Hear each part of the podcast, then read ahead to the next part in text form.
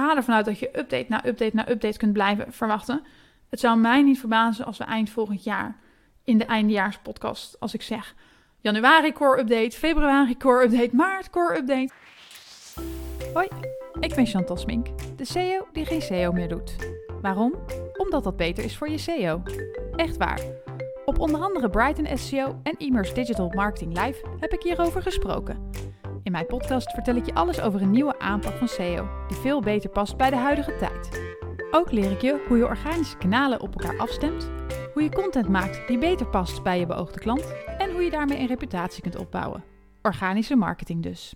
Hey, hallo en wat leuk dat je weer kijkt of luistert naar de allerlaatste podcastaflevering van dit jaar. En traditiegetrouw sluit ik dat af met een eindejaarspodcast waarin ik terugblik op het afgelopen jaar en ook vooruitkijk naar wat er gaat komen. Nou, dat vooruitkijken doe ik natuurlijk eigenlijk elke podcast al, hè, waarin ik je tips geef over wat ik zie gebeuren en wat je ermee moet. Um, niet iedereen luistert misschien al mijn podcasts, dus ik ga er toch al een stuk van, uh, uh, van ja, herhalen, wat je misschien bekend voor zal komen. Maar we gaan het ook even hebben over wat er dit jaar allemaal gebeurd is. Want boy, het was weer een, uh, een druk jaar. Ehm, ik heb wat punten op papier gezet, zodat ik het niet vergeet. En het was ook wel leuk bij het terugzoeken dat ik dacht van, oh ja, oh ja, oh ja. En dat is allemaal dit jaar nog geweest, hè. Want Um, nou ja, vorig jaar, eind december, kenden we ongeveer net een maand ChatGPT. En um, ja, ik weet toen het gelanceerd werd dat ik mezelf een rolberoerte schrok. Van wat de fuck is dit voor een ding? Hè? Het, grote boek met alle antwoorden, dacht ik. En uh, toen ben ik er ontzettend veel over gaan lezen. Ik was op vakantie op Curaçao, ik had ook alle tijd. Ik lag op het strand. Um, dus ik ben als een malle gaan, gaan lezen wat mensen erover schreven. En al vrij snel werd me duidelijk, oh, het is een taalmodel, een statistisch taalmodel. Het weet welke woorden bij elkaar horen, statistisch gezien wat de grootste kans is op de, het volgende woord. Hè? Um, als je het hebt, de kat krabt aan de, dan is de kans groot dat het krabpaal of bank is. Nou, een AI kan dat dan berekenen wat het is en die maakt dan een zin ermee. Dus um, ik had vrij snel door ook, toen ik het ging testen, dat hij niet zo heel veel wist. Hè. Ik vroeg hem een stukje te maken over de mooiste strand op Curaçao. En alles was hetzelfde. Elk strand was mooi helder blauw water. Dus dat ding wist eigenlijk niet waar hij het over had. En daar was ik wel blij om. En toen las ik ook nog een document van een, ja, iemand van Google, hoofd AI was zij volgens mij. En zij gaf ook aan van, joh, het is gewoon een papegaai die herhaalt wat er op het net stond. En dat vond ik heel erg fijn om te lezen, want ik dacht echt van, nu is mijn baan over. Ik kan gaan inpakken. Hè? Wie heeft er websites nodig als je ChatGPT hebt? Um, nou, dat viel gelukkig allemaal wel, uh, wel mee. Uh, maar toch was AI een heel belangrijk ding. ding.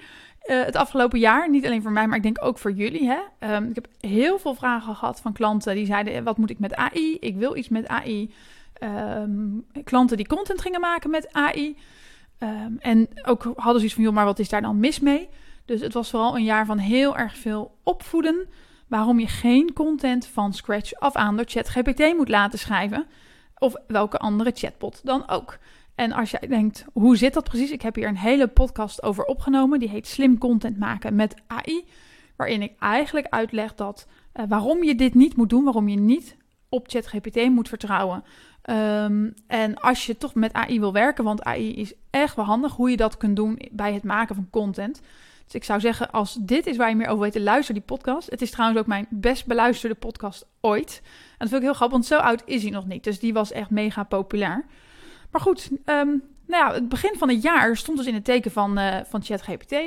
En ik weet nog wel dat ergens in uh, februari met veel bombarie er een persconferentie door Google werd aangekondigd, volgens mij in Parijs.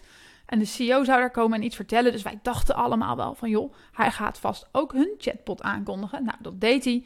Dat was Bart. Het was een belabberd slechte presentatie, vond ik zelf. Ik was echt mega teleurgesteld dat we hier dagen over, over opgehitst waren.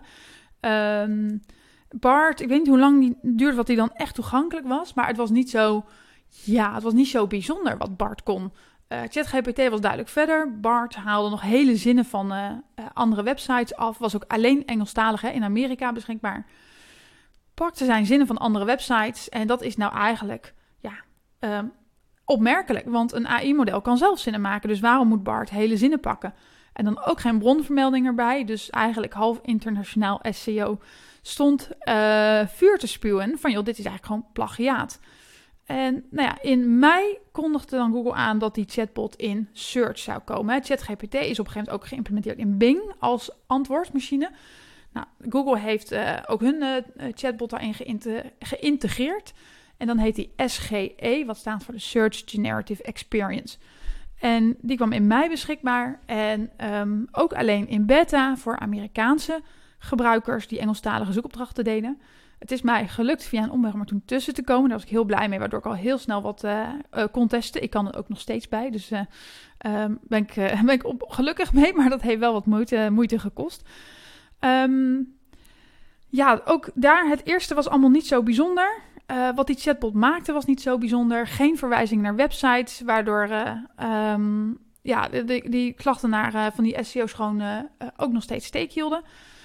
Een tijdje hebben ze er wel weer links bij gezet. Ik moet zeggen, ik zie ze nog steeds niet. Ik heb uiteraard ook weer een blogartikel bij deze podcast gemaakt met wat foto's, hoe je dit eruit ziet. En ik zie eigenlijk weinig links. Um, er zitten een aantal puntjes waar je op naar beneden kunt klikken. Maar dat is dan eigenlijk niet zozeer dat hij daar naar een link gaat of vertelt waar, waar dit vanaf komt. En dat kan ook niet, want die chatbot maakt op basis van uh, world knowledge, een term die ik later ga benoemen, die komt uit de Google-documenten, uit de antitrust uh, case. Op basis van world knowledge maakt hij zijn content. Dus dan kun je ook geen bron vermelden, want er zijn misschien wel honderdduizend bronnen. Um, maar wat je wel ziet gebeuren, en ik denk dat dit heel belangrijk is Um, en dit gaat het spel van SEO toch wel echt ingrijpend veranderen. Veel ingrijpender dan we gewend zijn. Bovenaan zie je eigenlijk heel veel zoekopdrachten dat die automatisch uh, zoekresultaat of een, een, een AI-antwoord gaat genereren. Hè? Dus als je zoekt naar uh, smoky eyes of how to make egg benedict of gewoon tikka masala recipe, gaat die automatisch genereren. Dan zijn er zoekopdrachten waarbij je op een knop moet drukken met generate AI response en dan pas gaat hij het voor je maken. Maar wat je ziet is dat dat ding de hele, het hele beeldscherm in beslag neemt met zelfgemaakte content. Met bijvoorbeeld een filmpje naar YouTube of een grote visual van een website uh, daarbij. Dan is natuurlijk wel bronvermelding. En je ziet eigenlijk um, rechtsbovenaan drie websitejes waar je door kunt klikken voor meer informatie. En dat betekent dat die eerste pagina, waar we altijd tien resultaten zagen, daar zagen we er nog maar drie. Dus SEO gaat van top 10 naar, naar top 3. Je moet bij die top 3 horen en je moet eigenlijk je plaatje of je filmpje daarin gaan krijgen. En dan is het hopen dat mensen zeggen: Ik wil doorlezen. Als de gebruiker denkt: Nou, ik weet wel genoeg, waarom zou ik doorlezen? Dan um, ja, gaat dit gevolgen hebben voor je SEO-verkeer. En ik heb ergens gelezen, en de bron heb ik nu even niet bij de hand. De verwachting was dat dit volgens mij 20 tot 30 procent van het SEO-verkeer ging kosten. Uh, maar hij is nog steeds alleen maar in beta. Hij is wel inmiddels uitgerold naar 120 landen. Alles behalve de EU. Ik zeg altijd maar in Ghana kunnen ze hem gebruiken, wij niet. Ik weet niet of het letterlijk Ghana is, maar dat roep ik altijd maar. Um, en dat heeft ermee te maken dat de EU daar dus voor ligt. Dus dat is heel fijn voor de websites die hier nog op oude voet door kunnen blijven gaan. Ik vrees dat het een soort van uitstel van executie is. Hè? Want um, dat ding lijkt me dat het er toch op enig moment een keer gaat komen. Tenzij die EU er echt voor blijft liggen. Uh, dat heeft met de Digital Services Act te maken. Ook hier pin me er niet op vast, want ik ben geen jurist. Maar het hangt erop dat uh, het nu niet aan de voorwaarden voldoet van de EU om gebruikt te mogen worden. Uh, maar dit ding is dus wel echt bizar interessant. En dit gaat SEO groot, grootscheeps veranderen.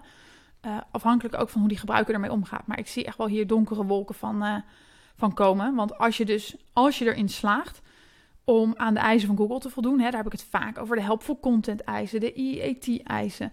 Dus dan moet je al veel meer tijd en moeite investeren in content, waarmee het maken van content voor SEO echt wel duurder wordt. Dan sta je misschien op één. En als je niet in deze top 3 genoemd wordt, heb je nog steeds een probleem. Dus het is te hopen dat die constant de top 3 pakt. Uh, sta je op 4, dan heb jij nog steeds een, een, probleem. Want dan moeten mensen doorscrollen. En je ziet het ook op die screenshot die ik uh, op mijn blogartikel erbij heb daaronder staan weer vervolgvragen. Dus um, ja, weet je, Google kijkt gewoon, doet jou een aantal suggesties van als jij wil weten over smoky eyes, dan wil je misschien ook dit onderwerp weten of dat onderwerp weten. Dus mensen ja, kunnen verdwalen, lekker verdwalen in die eh, AI-bot met antwoorden. Um, ja, en dat betekent dat ze wellicht niet naar onder gaan scrollen. En die vragen eronder is natuurlijk gewoon een kwestie van klikdata meten. Waar klikken mensen op, wat willen ze weten? En dan ga je die vragen voorstellen. En dan komen we bij een heel interessant punt als we het over klikdata hebben. In september begon een hele grote antitrustzaak tegen Google in de Verenigde Staten. Ehm, Google werd ervan beschuldigd dat zij een monopoliepositie hadden en daarom eigenlijk hun eigen producten de voorrang kunnen geven. En zelfs, zelfs in de VS valt men hier dus nu over. Er is nog steeds geen, uh, geen uitspraak gedaan in deze zaak. Maar boy, wat was dit interessant wat hier boven water kwam. Want al jarenlang ontkent Google dat ze kijken naar klikdata. En dan heb ik het niet over klikdata en analytics. Daar wil ik het specifiek niet zo noemen, omdat dat ook niet in de documenten staat. Um, voor wie het wil zien, de documenten, de twee belangrijkste, liggen hier ook naast me. Daar ben ik uh, mee bezig geweest. Nergens zeggen ze dat het over analytics gaat. Het gaat over klikdata tussen de impressies en uh, het doorklikken vanuit de zoekresultaten. Dus time on site wordt niet gezegd dat dat hiermee bedoeld wordt. Want dat zit in je analytics. Dat wordt gemeten door je website software. Kan het? Ja. Um, zou Google het moeten doen? Geen idee. Ik denk dat dan een nieuwe bom ontploft. Maar dat is er expliciet niet in gezegd. Het gaat om klikdata vanuit die SERP, dus die zoekresultaten. En dan wordt het dus interessant, want zoals ik zei, Google heeft dat jarenlang ontkend. En nu kwam naar voren, we kijken ernaar, maar niet alleen we kijken ernaar, het is een van de allerbelangrijkste rankingfactoren. Sterker nog, er kwamen documenten boven water en ik heb ook daarvan de screenshots erin en die zijn echt met een kinderlijke opmaak. Weet je, eh, dit had, had ik kunnen maken. Um, daar, en dat, je, er staat ook nergens Google op, er staat nergens in huisstijl. Het zijn gewoon witte PowerPoints met plaatjes. Dat je in eerste instantie denk je, dit kan niet echt zijn. Maar ik heb ze nagegaan, ik heb ze ook echt gevonden op justice.gov, dus de site van de Amerikaanse overheid. Daar staat een document, de link staat ook in mijn blog, naar deze presentatie. En op slide 5 en 6 zie je ze echt staan. Dus dit zijn echt afkomstig uit documenten die tegen Google zijn ingediend. En wat hier staat is, het eerste slide is zegt, we do not understand documents, we fake it. Um, today our ability to understand documents directly is minimal, so we watch how people react to documents and memorize their responses. En dan op de volgende slide staat, each searcher benefits from responses of past user. En dan zie je een rijtje met mensjes en dan met pijltjes, dat eigenlijk iedereen dus uh, uh, hoe heet dat, benefits, uh, profiteert van het klikgedrag van de vorige. En als je dit dan leest, hè, deze documenten komen uit 2016, dan denk ik echt serieus. Um, meen, je, dit nou echt? We don't understand documents, we fake it. En we kijken alleen naar dat klikgedrag. Soms denk je dan echt wel van, ja, waar deden we het voor? Hè? Uh, foto's van een alt-tekst voorzien. Nou, dat doe je natuurlijk om je foto te laten renken. Maar ik had wel zoiets van, ja, als jij er gewoon in slaagt om jouw merk bekend te krijgen, dat mensen een voorkeur hebben voor jouw merk. Um, zoals, kijk hoe Coolblue dit gedaan heeft, hoe Zalando dit gedaan heeft. Die hebben er gewoon miljarden, nou, laat niet miljarden, miljoenen tegenaan gepompt om um, naamsbekendheid op te bouwen. En als mensen dan klikken en dan tevreden zijn, dan was dat dus ook al voldoende voor je Google-ranking. Um, dus dat zijn best wel interessante dingen waar we eens over na moeten gaan denken. Van waarom deden we Um, wat we deden, hè, ik zeg niet dat alles zinloos was, want er zaten wel degelijk zinnige dingen in. Het testen met titles en meta's kan het klikgedrag verhogen in de SERP, dus dat lijkt me heel slim. Um, maar tegelijkertijd vind ik het ook raar, want ik heb de ervaring zelf dat als je weer een alinea toevoegde aan een pagina, dat je weer hoger ging ranken. Um, en dat was uit de tijd dat gewoon content voldoende was om hoog te ranken. Maar goed, het blijkt dus allemaal om dat klikgedrag te zijn. Dat is zo ontzettend belangrijk. Inmiddels zijn we wel echt even uh, zeven jaar verder bijna. Dus laten we hier wel anders naar kijken. Hè? Ik zeg niet dat Google nog steeds geen documenten snapt. En met AI lijkt me dat heel raar als dat nog steeds zo is. Maar dit werpt wel uh, licht op, uh, op de zaak. En er wordt ook heel veel gesproken over systemen waarvan we nooit het bestaan wisten. Navboost, ik pak ze er even bij hoor, want het zijn er heel veel. Uh, Tengram, um, Glue, en dan wat ook nog RankBrain, Bird en DeepRank. Nou, een aantal kennen we. Hè? Eh, RankBrain kennen we, Bird kennen we, DeepRank hebben we volgens mij ook wel eens wat van gehoord. Dat zijn eigenlijk allemaal deep learning systemen om uh, tekst te begrijpen. Maar Navboost, Glue en Tengram kenden wij niet. Um, Navboost is eigenlijk een systeem waarmee... Uh, wat dat was dat kliksysteem, hè, waarmee Google weet van... oh, deze dingen zijn interessant, die moeten we hoger ranken. Dan heb je Glue, dat is was een Navboost, maar dan voor andere elementen. En Tengram, dat was een hoe komt die SERP, dus die zoekresultatenpagina, tot samenstand? Welke elementen laten zien? Dus YouTube-video's of foto's of uh, zoekresultaten of weet ik het wat nog daartussen. Dat is Tengram. En dat werd in eerste instantie ook wel Tetris genoemd. Begreep ik uit het document, omdat het in elkaar getetrist moest worden. Mocht je hier van meer van willen weten, mijn collega Roy Huiskes heeft echt een uh, heel begrijpbaar artikel gelezen waarin al deze termen worden uitgelegd. De link vind je ook op mijn website naar zijn artikel. Um, lees dat door. En dit komt eigenlijk allemaal vanuit de ondervraging van de VP Search bij Google. En dat is Mr. Pandurang Nayak. Um, mega interessant. Zoals ik, uh, ik ben er nog uh, mee bezig om ze aan het lezen.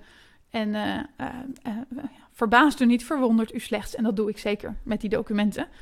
Wat ik ook leuk vond om daaruit te lichten, en dat zie ik op maar weinig plekken terugkomen, is dat de meeste deep learning systemen te duur zijn om te draaien over alle resultaten. Dat staat letterlijk erin. Screenshot ook in dit blogartikel. Um, hebben ze het over RankBrain. RankBrain is zo duur om te runnen, hè, om dus teksten te laten begrijpen, dat uh, dat alleen maar wordt gedraaid over de 20 tot 30 beste zoekresultaten. Dus je moet eigenlijk al eerst nog een soort van filter zijn. Dat Google weet, jij behoort tot die 20, 30 beste. De vraag is, waarop baseert hij dat? Dat worden we helaas niet wijzer uit het document. Ik heb zo mijn vermoedens. Maar pas dan gaat RankBrain draaien. Um, en ik vind dat heel interessant. Er staat ook een stukje in over hoe duur AI is om, uh, om te draaien. Maar als jij dus denkt, iedereen heeft gelijke kansen met dit soort systemen. Volgens mij is dat dus niet zo. Um, je moet bij die 20, 30 beste horen. En als je dan vraagt, hoe kom ik daar? Dan kom ik weer met mijn antwoord. EEAT en helpful content. Um, dat lijkt mij het belangrijkste. Waarbij het met EEAT waarschijnlijk voornamelijk zou gaan over wie ben je als afzender, waarom doet het ertoe wat jij zegt. Dan heb ik het vermoeden dat NavBooster ook nog wel eens mee kan spelen. Dus als Google weet dat jouw site vaker um, goed doorgeklikt wordt, dan kom jij misschien eerder in die 2030. En dit is allemaal speculeren, hè, want dit staat niet in de documenten. Maar als je aan mij vraagt wat het zou zijn, zou ik deze kant op hinten. Dat dit het is uh, om bij die 20 tot 30 beste te komen. Um, nou, die antitrustzaak loopt nog steeds. Um, zodra ik er een, een uitspraak van tegenkom, zal ik daar wel iets over vertellen. Dan zijn we eigenlijk oktober 2022. Um, wel een, een heel klein update, maar ik vind hem leuk om te noemen. Is dat Google opeens de namen van websites ging laten zien in de zoekresultaten. En als je denkt, wat bedoelt ze nu? Je ziet natuurlijk altijd een titel, twee stukjes tekst en een URL. En nu zag je eigenlijk groot die naam erbij met dan je favicon, dat kleine icoontje wat je ook in je tabblad ziet staan. Nou, dat is pas sinds oktober 2022 op mobiel. En in oktober 2023 werd het wereldwijd uitgerold. En dit vind ik ook leuk, omdat dit wat mij betreft ook een hint is naar de IEAT-filosofie, waarin Google wil laten zien wie die afzender is. Wie is die afzender en waarom zou je daar dan op moeten klikken? Ik denk dat de gebruiker daarom vraagt, dat ze ook zien dat als het erbij staat, dat mensen de betrouwbare en herkenbare bronnen aanklikken. Maar dat geeft dus ook aan voor jou, als jij gewoon een website bent met daarop wat content en niemand kent jou, ja, weet je, dan profiteer je hier niet van. Terwijl als jij ja, weet je, Coolblue is misschien dan het voorbeeld waarvan mensen zeggen: ja, maar daar heb ik helemaal het geld niet voor. Maar kijk een klein stukje af hoe ik het doe met het maken van inhoudelijke content en de naam opbouwen. Weet je, dan kun je er misschien ook al van gaan profiteren. Dat mensen zeggen: oh, maar dit is die shop, dit is die website, dit is die persoon die iets zegt. Um, voor mij is dit een hint dat EEAT echt een belangrijk ding is. Um, ook voor, voor het doorklikken. En aangezien we weten hoe belangrijk doorklikken is, zou ik zeggen: zorg er voor dat mensen je gaan kennen. Um, dan nog een grappig ding in september. We gaan even weer een maand terug in de geschiedenis. Nam Google opeens afscheid van de FAQ-snippets. En als je zegt, wat is dat? Dat zijn die twee vragen die je onder een zoekresultaat zag. Ik heb er nog eentje uit mijn archief opgevist van mijzelf. Zit ook weer als screenshot bij dit blog erin. Dus nogmaals, kijk naar dit blog voor alle foto's. Daar zie je dat. Dat kon je krijgen, deze twee vragen, als jij FAQ's op jouw pagina had en jij maakte ze op met structured data. Uh, voor wie niet zo technisch is, klinkt dit heel eng. Valt mee. Um, vraag je webbouwer, dan wordt het geregeld. In september zei Google opeens: die zoekresultaten moeten simpeler, dus die FAQ's gaan eruit. Ik zie trouwens al wel weer online op uh, Twitter, ik blijf het gewoon Twitter noemen, dat mensen zeggen dat ze alweer uh, zichtbaarheid hebben in die FAQ-snippets. Dus de vraag is: zijn ze echt opgerold, opge, opge, opgerold opgeruimd? Um, of komen ze toch stiekem terug? Maar ook hier is het natuurlijk interessant om na te denken: waarom haalt Google nou opeens die twee vragen weg? En daar had de internationale SEO-gemeenschap wel een antwoord op. Dat doet Google omdat ze um, waarschijnlijk zelf dit soort vragen prima kunnen beantwoorden. En in de aanloop naar SGE hè, en de uitrol daarvan, waarin het om vragen gaat en vervolgvragen, dat je mensen eigenlijk daar zou willen hebben. Ehm, nou, ik hou altijd wel van dit soort speculaties. Ik ga er zelf geen uitspraak over doen, maar ik vind het wel weer uh, grappig om te lezen. Misschien komen ze terug. Je kan zeggen, ik implementeer het nog steeds. Hè. Krijg je ze, dan krijg je ze. Weet wel dat Google er dus eigenlijk van, uh, van af wilde. Nou, en dan Brian, zitten we dus toch een beetje aan het einde van het jaar, hè, richting uh, um, september. En toen zagen we opeens dat Google echt de ene na de andere core update uitrolde. Ik heb hier ook het lijstje. Ik heb het lijstje bij Google even boven water gehaald. In september 2023 hadden we een Helpful Content Update wereldwijd. Als ik me niet vergis kwam die begin dit jaar naar Nederland. Vorig jaar augustus uh, in Amerika uitgerold, begin dit jaar naar Nederland. En in september dus een, uh, een herziening van die Helpful Content Update.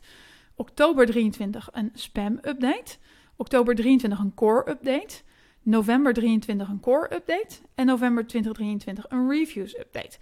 Um, en dat zijn nog met kleinere dingetjes, zoals die FAQ's die verdwijnen en knowledge graph updates uh, die er ook nog zijn. Maar ja, Google is dus heel hard aan de slag gegaan. En ik denk dat nooit eerder de gevolgen daarvan zo duidelijk waren als nu. Um, ik heb in eind oktober, begin november een oproep gedaan om 15 websites te bekijken die mede geraakt te zijn in een van deze updates. Want ga maar eens uh, achterhalen welke het geweest is. Nou, ik zag heel duidelijk dat um, volgens mij in september, maar ja, volgens mij na september waren heel veel affiliates geraakt. Um, vrij dramatisch ook. Dat, uh, dat ging echt wel, dat verkeer stortte in. Daar heb ik ook een hele podcast over opgenomen. En moet even spieken hoe die heet. Ja, analyse core update september en oktober. En ook die kun je terugluisteren. Ik kan ook het blogartikel daarvan op mijn site lezen. Um, waarin ik heb gekeken, wat zie ik in het patroon tussen al deze websites die zo hard geraakt zijn. En wat je er eigenlijk ziet gebeuren, is dat um, de content op al die websites echt heel, heel mager was. Het was SEO-content. En daarmee bedoel ik wel dat het leesbare zinnen waren. Het waren um, grammaticale goede teksten. Het was geen keyword stuffing. Maar inhoudelijk stond er eigenlijk niks wat we nog niet wisten. Het was allemaal bij elkaar geraapt uh, van wat ergens anders op het web stond. En dat was natuurlijk ook wat heel lang hoe men geld kon verdienen. Zeker met in de affiliate-industrie. Hè? Als jij content zou maken, stel je ziet, vindt een mooi programma over um, mode en jij maakt daar content over, dan, ja, dan kon je daar altijd wel mee renken. Zonder dat je misschien de jas echt aangehad had of het stofje gevoeld had. Nou, dat is. Ik zeg niet dat alle affiliates zo zijn, maar ik denk dat in heel veel gevallen het wel zo is. Dus daar kwamen veel websites die zeiden: Ja, ik ben geraakt, ik snap niet waarom. En toen ging ik het lezen, dacht ik: Ja, maar wat jij vertelt over dit product zijn allemaal specificaties die je normaal in bullet points ziet, maar dan in zinnen. Dus in feite vertel jij niks anders dan hoe zwaar het is, hoeveel kleuren het heeft, um, wat het kost en wat het kan. Maar nergens vertel jij of jij het eens bent met de claims van de fabrikant. Hoe jij het echt vond gaan, of het ding het echt goed doet, hoe het in het gebruik, wat jouw ervaring was. Dus dan kan je het zelf geschreven hebben, en dan kan het um, goede content zijn. Hè? En voor de luisteraars doe ik nu aanhalingstekens maken. Maar het was nog steeds geen goede content, want er stond niks nieuws in. Het voegde niks toe aan het web. Dat soort dingen zag ik er echt resoluut nu um, volgens mij wel uitgaan. Dat was het patroon wat ik daar, uh, daar zag. Ook bij receptenwebsites. Um, ja, nogal logisch ook. Ik riep het in september op Brighton SEO toen ik daar mocht spreken al. We hebben 400 miljoen recipes voor apple pie in het Engels in de index. Waarom moet Google dit allemaal maar laten zien? Hè? Waarom moet Google alles maar indexeren wat wij erin stoppen? Nou, en dat zie je nu eigenlijk wel echt gebeuren. Dat Google zegt van ja, weet je, ik, uh, ik heb dit soort websites niet nodig. Hij weet het antwoord prima hoe je een apple pie moet maken. Um, en als jij dan ook nog niet de content hebt waarin jij dit zelf staat te maken met foto's en iets anders vertelt. En waarbij het ook niet ertoe doet wie jij bent, um, dan, ja, dan heb je gewoon, dan loop je risico dat Google zegt van ja, ik zie geen reden waarom ik jou moet laten zien. En dat is dus waarom ik er zo op hamer. En ook zeg van joh, ik laat dat ding met die namen zien, dat vorige punt. Het gaat er echt om wie jij als afzender bent. Waarom doet het ertoe wat jij zegt? En dan pas denk ik dat Google gaat kijken naar wat zeg jij eigenlijk. Dus er komt een ander criterium. Dus zomaar een websiteje beginnen over recepten, omdat daar heel veel affiliate uh, beloningen aan kunnen hangen. Lijkt mij ontzettend onhandig als je niet echt wat weet van koken en echt van plan bent om een naam op te gaan bouwen en een online footprint te gaan werken. Dus eerst, wie ben jij waarom het ertoe zou doen wat jij zegt? En dan pas luisteren, oké, wat zeg jij dan eigenlijk? Ik denk serieus dat dat is waar SEO heen gaat. En daar zie ik echt nu wel hints van, uh, van komen. En dan moet ik natuurlijk wel zeggen dat met die hele chatbot, die business case kan bijna niet uit. Als je content blijft maken voor SEO, textuele content op je website, en dit is wat Google van je wil, wordt het een hele dure aangelegenheid. Dit moet je anders gaan aanpakken. En daarvoor kan je eigenlijk terugluisteren in mijn um, podcast Transformeren van SEO naar Organic Marketing, hoe ik hierover, uh, hoe ik hierover denk. Um, ik heb er trouwens nog een podcast over gemaakt, want nadat ik mijn analyses had gedeeld, zeiden mensen, nou, ik snap het niet. Hè? Ik heb alles zelf geschreven en ik heb het zelf ervaren. Ik herken mij niet in jouw analyses en ik ben ook geraakt. En daarvoor heb ik, denk ik, vorige week of twee geleden een podcast live gezet. Ik snap wel dat Google je content niet helpvol vindt. En daarom ben ik nog veel specifieker met ook voorbeelden van uh, zinnen. Um, dus kijk er even naar als, jij, als dit jou, jouw probleem uh, is. Um, nou, dan nog een ander klein dingetje. Dat is in augustus zag ik ze voor het eerst in Nederland. En dat zijn de korte video's uit YouTube, TikTok, Facebook. En inmiddels zag ik ze in de VS ook vanuit Insta. Korte video's die gaan ranken in Google Search. In de VS zagen we die al langer. Als je zocht naar mascara, zag je dus een korte video van Insta ranken in de eerste pagina van Google. Um, die ging uit, waarin dat filmpje ging uitleggen hoe je mascara moest aanbrengen. Nou, die korte video's die zien we nu hier op recepten heb ik ze gespot. Op namen van um, bekende personen heb ik ze gespot. Zijn ze volgens mij nog steeds. Als je zoekt naar Max Verstappen heb je grote kans dat je ze voorbij ziet komen. En in eerste instantie zag ik ze op de namen van bioscoopfilms. Dus de eerste stappen zijn gezet en ik denk dat dit um, veel meer gaat komen. En daarom zeg ik ook van joh, wie ben jij als jij dus bijvoorbeeld op TikTok bezig bent of op YouTube en je hebt dit soort shorts um, en die kunnen gaan ranken en Google snapt dat jij echt heel veel verstand hebt van appeltaarten, uh, kan je ook hierin meegaan doen in zo'n filmpje. En ik denk eigenlijk dat er een tijd komt waarin het ranken met zo'n filmpje makkelijker gaat zijn dan het ranken met een webresultaat. En dat kan een video, short video zijn, maar ook een hele um, video uh, die gewoon op YouTube draait. Dus de horizontale variant. Ik denk echt dat we in dat omslagpunt zitten. Google wil video, dat zie je ook aan alles. Um, ja, feed the animal, zou ik zeggen. En kijk wat er gaat gebeuren. Maar dat betekent wel dat SEO dus niet meer alleen maar op die website zit. Iedereen die websites optimaliseert, moet eigenlijk verder kijken. Nee, wat laat Google zien? En dat ga ik maken. En dan kom je weer een beetje op het organic marketing uit, wat ik, uh, hoe ik het noem. Um, en dan heb ik er nog eentje wat ik wil bespreken. En dat is eigenlijk um, wat je ziet gebeuren in de VS. Um, dat zijn de, hoe webshops, hoe Google in, in een webshop verandert.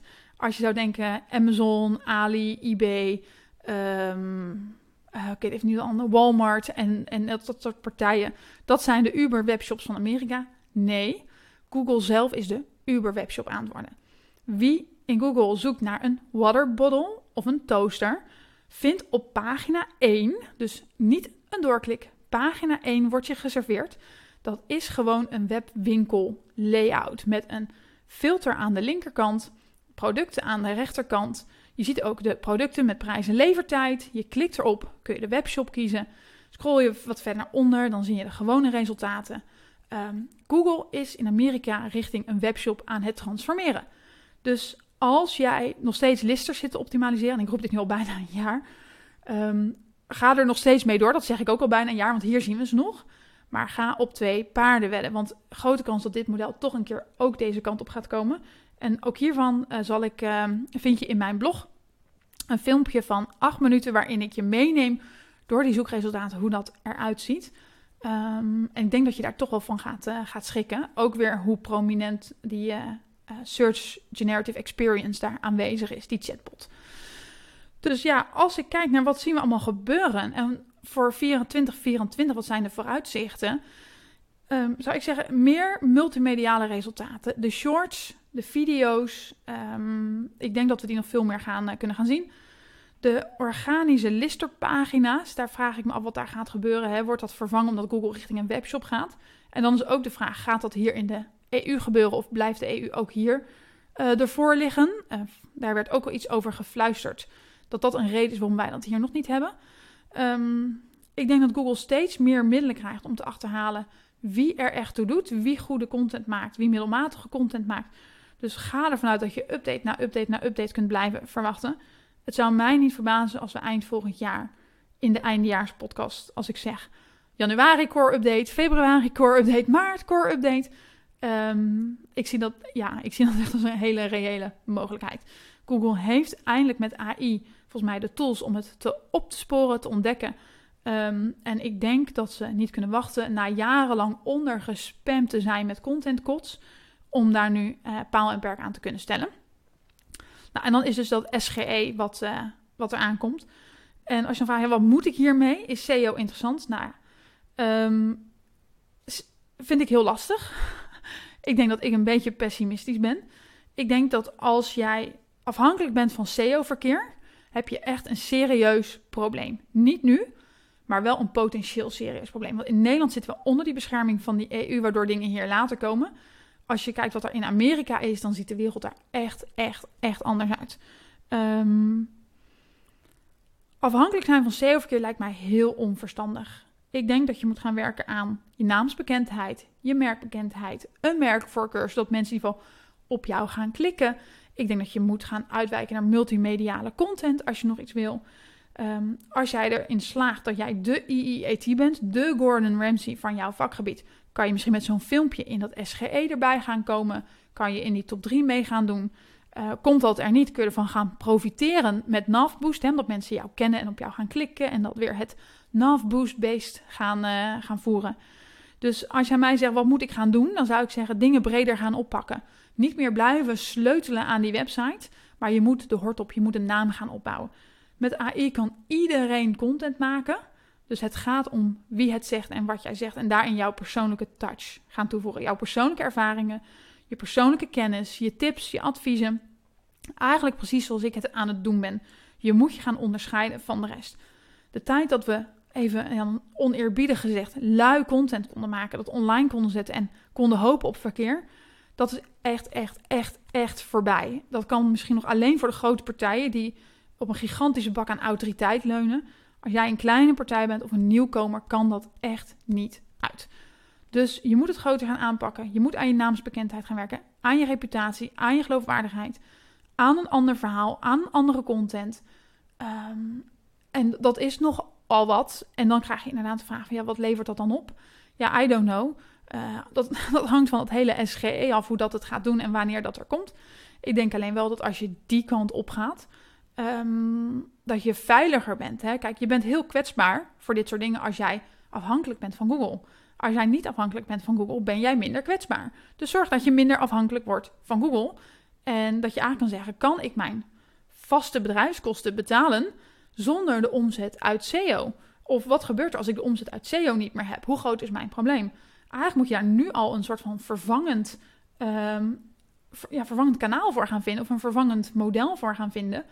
En alles wat uit SEO komt is mooi meegenomen, is je bonuspotje. Maar dat betekent een hele andere manier van begroten. Een hele andere manier van naar kanalen kijken. Maar ik denk echt dat je dus uh, dat je die kant op moet. Um, ja, nou, oh ja, ik zie hier nog eentje staan, die heb ik nog niet genoemd. Google loves content van peers. En dat is ook wel een leuke. Um, en dat sluit ook aan hè, waarom ik zeg: zorg dat jouw informatie erin zet. Um, de groei van Reddit gaat in Amerika door het dak. En dat komt onder andere, denk ik, door dat moduletje discussies en forums wat je daar ziet in de zoekresultaten. En mensen zoeken naar content van echte mensen. Dus onder die tweet zeiden ook een aantal uh, mensen van ja, maar alles, elke zoekopdracht die ik doe, zet ik het woord Reddit achter. Dat is een forum waar mensen met elkaar ervaringen kunnen uitwisselen. Dus uh, hoe kan ik een vlek verwijderen? Reddit. Hoe kan ik Egg Benedict maken met Reddit? En dan krijg, dus, krijg je die content van Reddit. Maar dan weet Google ook als heel veel mensen Reddit daarbij invoeren, is dat blijkbaar een belangrijke bron. Dus waarom dat niet meteen laten zien? Nou, ik heb een tweet erin gestopt in dit blogartikel van Lily Ray met de groei van Reddit. En dan zie je ook gewoon echt dat die sky high door het dak gaat. Um, en dat geeft aan Google houdt van content van peers. En dat is logisch, want bedrijven moeten we toch echt wel onze hand in, uh, in, boezem steken, in onze eigen boezem steken Bedrijven hebben jarenlang gewoon content gemaakt. En wie zegt dat het klopt wat bedrijven zeggen? Wij willen over heel veel dingen niet eerlijk zijn, of niet open zijn, of niet transparant. En peers zijn dat wel. En dat is ook waarom ik zeg: kom met jouw eigen verhaal, met jouw eigen content, met jouw eigen tips, jouw eigen adviezen. Sla dat niet plat tot SEO-content, maar zorg dat jouw ziel erin zit. Ehm, omdat dat is wat Google, wat Google wil en wat hij waardeert. En dat, uh, ja, dat doet er dus uh, toe. Nou, dan hebben we het eigenlijk allemaal gehad. Hè? Alle dingen die er gebeurd zijn in 2023. Dan um, wat ik denk voor 2024 waar je mee aan de slag moet. Heel kort dan voor mij persoonlijk. Het hoogtepunt van het jaar. Ik had een aantal hoogtepunten die ik heel leuk vind om even te benoemen. Dat is dat ik in juni mocht praten op Immers Digital Live. Met mijn boodschap waarom we moesten transformeren van SEO naar organic marketing. In september mocht ik op Brighton SEO spreken.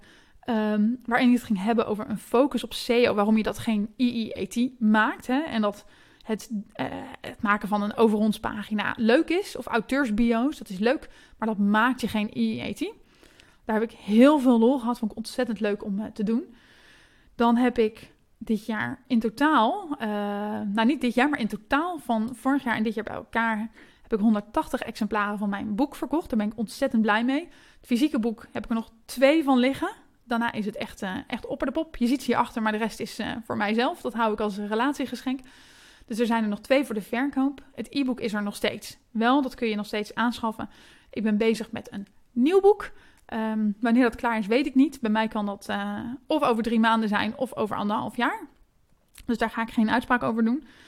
En een hele leuke andere uh, hoogtepunt is dat mijn podcast eigenlijk best wel goed beluisterd wordt. Ik zit over de 13.000 starts met 1300 luisteraars en over de 500 volgers.